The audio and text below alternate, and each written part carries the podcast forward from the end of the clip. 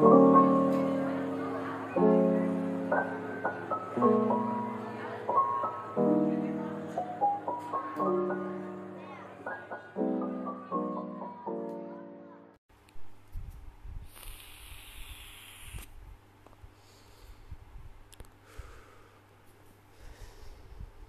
nggak di suatu waktu kalian merasa ingin bertukar urutan kelahiran?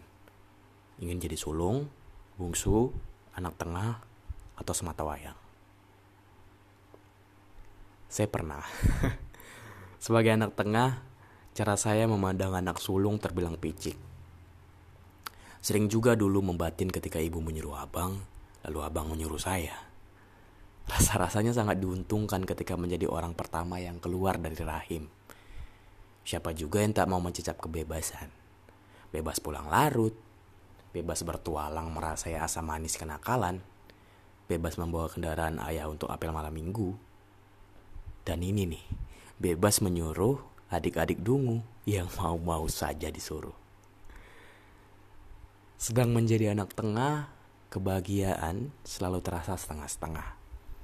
Barang-barang jarang sekali baru, selalu saja itu turunan yang sudah dipakai abang Lalu sambil tertawa-tawa, ia akan mengejeki dengan barang lebih canggih dan tentu saja baru. Sial. Ketika si sulung sudah menggasak habis sari-sari masa muda sebagai anak tengah, masa muda saya kebanyakan dihabiskan mendengar cerita tanpa pernah merasakannya. Tiap kali abang tidak bijak dalam beberapa hal, ibu atau ayah akan menjadikannya materi ceramah ketika saya meminta izin melakukan sesuatu ya ceramah itu akan dimulai dengan jangan mau seperti abangmu sial. Tapi itu dulu lah itu dulu. Barangkali SMP SMA itu dulu kayak gitu. Sekarang udah enggak. Kenapa? Karena sampai pada akhirnya paham. Ternyata menjadi anak sulung nggak selalu untung. Malahan ternyata lebih banyak sialnya. Kalau dilihat-lihat nih Pertama dimulai dari beban. Yang selama ini saya pikir enak-enak saja ternyata ada bebannya. Kebanyakan orang tua akan menjadikan si sulung sebagai sapi percobaan. Sedikit kasar, tapi sambil juga mendengar cerita teman-teman yang sulung, kata mereka mirip-mirip begitulah. Tali tamban dan cucuk hidung akan ditambat pada tiang harapan orang tua. Harus jadi contoh lah, harus beginilah, alah. Sahabat teman saya yang sulung dan ingin jadi bungsu saja. Kata mereka lagi, belum lagi pada saat pembagian kasih sayang. Anak sulung tak pernah dapat utuh. Setiap ada pilihan harus diminta mengalah. Setiap ibu ayah bepergian disuruh jaga adik. Harus bisa apa pun, harus kuat. Ternyata ada bebannya. Kata mereka lagi nih, apalagi setiap adik-adik berani melawan. Siapa lagi yang disalahkan? Ya abang, ya si sulung. Jadi selain ngobrol dengan teman-teman yang terlahir sulung, saya juga mendapatkan email dari pendengar yang barangkali menjadi alasan kenapa saya angkat ini jadi bahan pembicaraan. Sebelumnya saya ucapkan terima kasih sudah mengizinkan saya menceritakan kembali jadi si pengirim ini perempuan dan ia anak semata wayang. Apakah ini melunturkan kesulungan seseorang? Iya tentu. Tapi apakah bebannya juga hilang? Tentu tidak. saya tak akan sebut namanya. Tapi ia membolehkan saya menyebut umur dan identitas umum.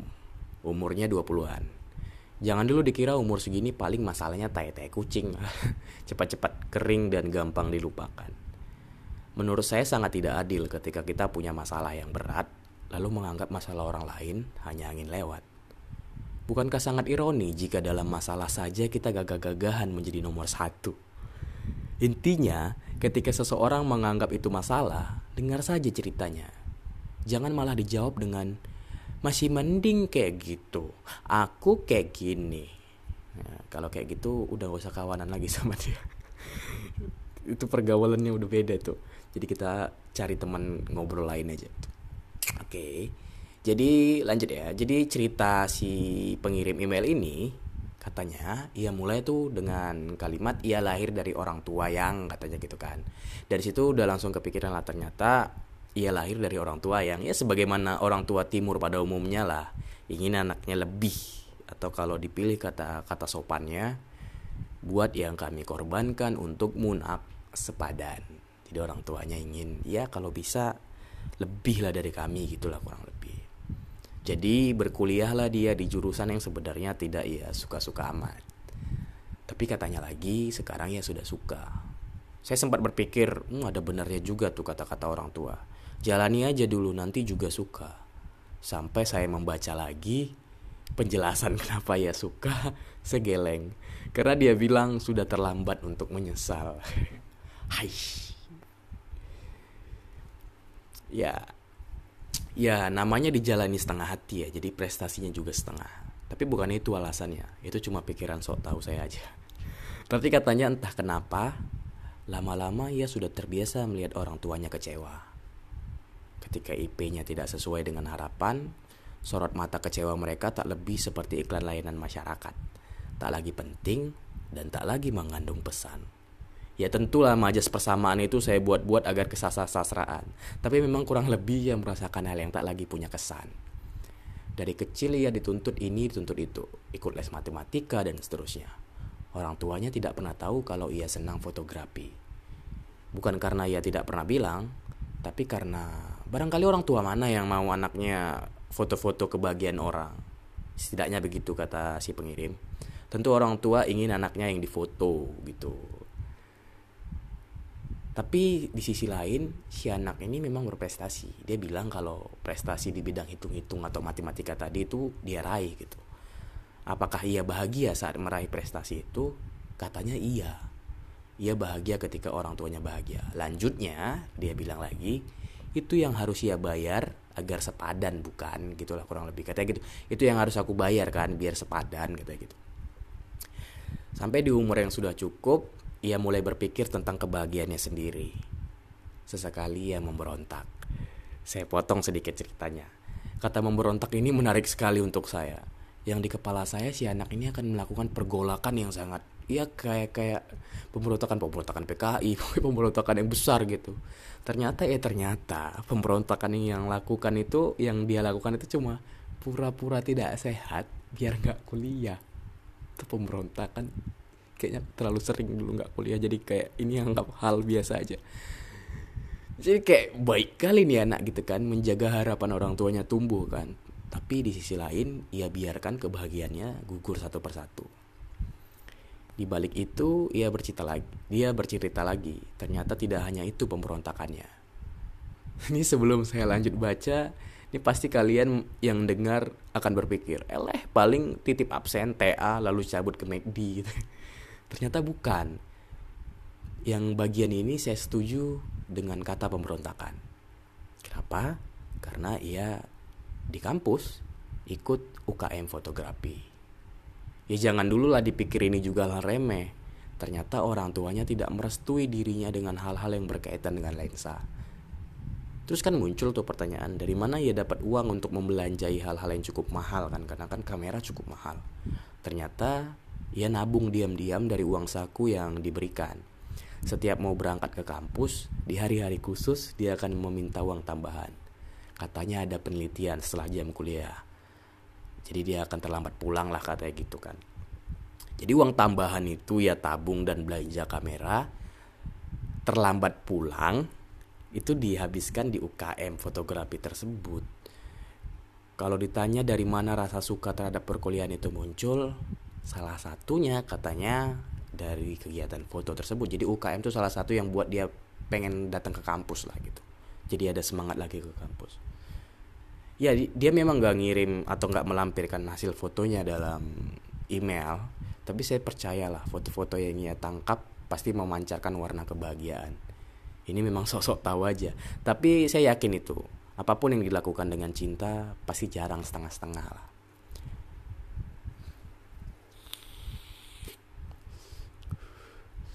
Sejauh ini orang tuanya belum tahu kalau ia habiskan waktu untuk hal yang tak diizinkan. Tapi kabar baiknya, Ia menunggu Enif orang tuanya yang sebentar lagi dan akan menghadiahi foto candid kemesraan orang tuanya yang sudah ia lakukan sejak beberapa bulan lalu. Ya jadi dia potret-potret gitu. Dia katanya dia ambil dengan cinta lah pokoknya. Jadi orang tuanya lagi duduk-duduk dia foto gitu. Di bagian ini tentu kita merasa tertarik gitu kan dengan anak 20-an yang sangat romantis lah kalau menurut saya. Sangat sayang orang tuanya dan mulai menyadari apa yang ia suka ketika ia mulai berani melakukan yang ia sukai, muncul masalah lain katanya gitu. Ia suka dengan senior UKM-nya. Tentu seniornya juga menaruh hati. Jadi mereka udah bersama beberapa bulan. Nah, saya kan bingung tuh, di mana masalahnya gitu kan. Ternyata dia dijodohkan. di bagian ini saya mikir gitu kan. Ini pasti kalau orang lain dengar atau gimana gitu kan. Ini pasti yang kayak ini kan gak zaman Siti Nurbaya lagi. Tapi sampai pada akhirnya saya ngelihat beberapa fenomena-fenomena yang sama seperti ini cerita-cerita yang kayak gini tuh masih ada. Kita bisa bilang ya lah nggak Siti Nurbaya Siti Nurbaya karena kan bukan kita yang berada di posisi dia gitu kan jadi sama seperti Siti Nurbaya yang mencintai Samsul Bahri ia juga mencintai seniornya dengan segenap jiwanya ya jika berbicara sastra tentu isu-isu perjodohan ini udah nggak relevan lagi sejak 1990-an tuh udah nggak dibicarain lagi. Tapi apakah ini akan berkesudahan fenomenanya? Ya belum tentu. Jadi dari semua keluh kesah itu ia paham orang tuanya melakukan itu karena tak ingin anaknya secuil pun merasakan garam kehidupan. Tapi di samping itu, bukankah tidak juga baik jika yang dikonsumsi hanya kembang-kembang gula? Nah, di posisi itu kan kita kan penasaran kan, apa yang bisa dia lakukan gitu. Katanya, dia menunggu waktu yang tepat. Seniornya ini juga belum selesai studinya. Untuk membicarakan pernikahan tentu jauh. Dia juga baru-baru kuliah baru semester 3, semester 4 gitu. Tapi untuk merasa takut sekarang perihal hubungan mereka ya nggak ada masalah gitu kan, nggak ada salahnya. Itu kenapa ia putuskan untuk tidak lagi bersama si senior dan memilih berakhir saja. Ia tak ingin rasa sayang itu terus tumbuh dan akan menyesatinya pada hutan cinta. Nah ini aku yang buat. biar biar sastrawi, biar ke Indian. Tentu ini kalimat ya biar terkesan sastrawi lah kan. Tapi kadang yang sastrawi itu sesekali bisa kalah dengan hal-hal duniawi. Dia benar-benar takut jatuh cinta lebih dalam. Karena semakin dalam ia jatuh, semakin tenggelam ia dengan kesedihannya. Barangkali kayak gitulah pikir si pengirim kan. Lantas ia bertanya sama saya di dalam email tersebut, kapan waktu yang tepat untuk melakukan itu? Jadi kapan waktu yang tepat untuk mengakhiri hubungan itu? Kapan waktu yang tepat untuk patah hati lah gitu kan. Jadi saya bingung jawab apa gitu kan. Langsung saya katakan bahwa saya bukan cenayang, saya bukan dukung dukun yang tahu hari baik dalam menghadapi bahtera patah hati kan. Saya pikir juga nggak ada hari yang baik dalam patah hati gitu kan. Lalu saya tanya sama dia, sebelum memikirkan kapan dan bagaimana baiknya untuk mengakhiri hubungan itu, apakah ini benar-benar baik untukmu? Memang kita harus merasakan patah hati untuk bisa tumbuh. Tapi apakah ini alasannya? Ya barangkali kalian akan menggeleng lah. Ada beberapa yang menggeleng mendengar ini. Apakah butuh alasan untuk hal-hal semacam ini? Kalau kita ingat-ingat Kadang hal-hal kecil yang kita lakukan pun juga butuh alasan. Kita minum karena haus Kita makan karena lapar. Kita patah hati sekarang karena tidak ingin patah hati untuk kemudian hari. Agak lucu sih di bagian itu.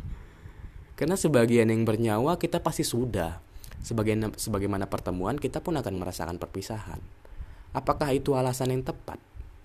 Di umur semuda itu memang mudah datang lalu pergi. Tapi apakah baik pergi padahal merasa bahwa ia adalah tempat pulang? Tentu saya nggak akan kasih hari baiknya karena saya nggak tahu. Sekali lagi tak ada hari baik untuk patah hati lah menurut saya. Hidup penuh kemungkinan-kemungkinan Tak ada laku lebih bijak selain menjalani seolah-olah perpisahan itu hanya omong kosong yang dibuat-buat waktu. Waktu pun terlalu singkat untuk derita yang panjang. Ya berdamailah. Apa yang bisa dilakukan selain berdamai? Melakukan yang sesuatu yang membuat kita setuju dengan waktu. Sebagai anak tengah, atau sesiapa anak sulung juga kalau ada yang bungsu kita semua lah anak gitu kan semata wayang kayak memang wajib sih membahagiakan orang tua harus bahkan itu udah menjadi kewajiban prioritas tapi kalau kita lihat-lihat lagi di suluk-suluk hati orang tua yang terdalam bahagia mereka pun karena bahagia anak-anaknya jadi untuk masalah-masalah seperti ini nggak ada lagi yang lebih bijak selain bicara, selain berdialog sama orang tua. Orang tua melakukan perjodohan, melakukan merencanakan anaknya kuliah di mana. Itu barangkali karena mereka berpikir definisi bahagianya itu sama sama dengan dirinya. Karena si anak itu kan darah dagingnya, jadi barangkali samalah. Kalau menurutku ini bahagia, si anak pasti bahagia gitu tapi kan belum tentu kita punya parameter kebahagiaan yang berbeda-beda setiap manusia gitu kan jadi apa yang bisa kita lakukan? Ya berdialog lah sama orang tua untuk berbicara hal-hal yang menurut kita nih nggak ada jalan tengahnya gitu. Jadi sekali lagi saya ucapkan terima kasih nih buat yang ngirim cerita ini. Saya doakan semoga kamu bisa berdamai lah dan bisa berdialog sama orang tua untuk membahas ini karena kebahagiaan nggak bisa dibeli gitu kan. Itu kata kata film-film gitu kebahagiaan nggak bisa dibeli. Kebahagiaan bisa dicari kata gitu saya nggak tahu tuh pokoknya pokoknya gitulah apa yang bisa dilakukan ya berdialog. Ya itu aja. Semoga teman-teman yang dengar juga yang atau yang barangkali merasakan hal yang sama sebagai anak tengah, sebagai anak sulung, sebagai anak bungsu, sebenarnya kita semua sama. Wajar ketika kita pernah merasakan hal yang kayaknya aku lebih en, lebih pengen jadi anak sulung lah, kayaknya enak kali ya jadi anak bungsu, eh, enak kali ya jadi anak semata wayang. Sebenarnya semua posisi, semua urutan anak-anak di seluruh dunia punya masalah yang berbeda-beda. Dan masalah itu kita nggak tahu karena kita nggak pernah berada di posisi mereka. Jadi syukuri aja kalian anak di urutan yang keberapa syukuri sajalah dan cari hal-hal yang baiknya hal-hal buruknya jadikan pelajaran. Oke itu aja barangkali. Terima kasih untuk yang mendengar. Saya ucapkan selamat malam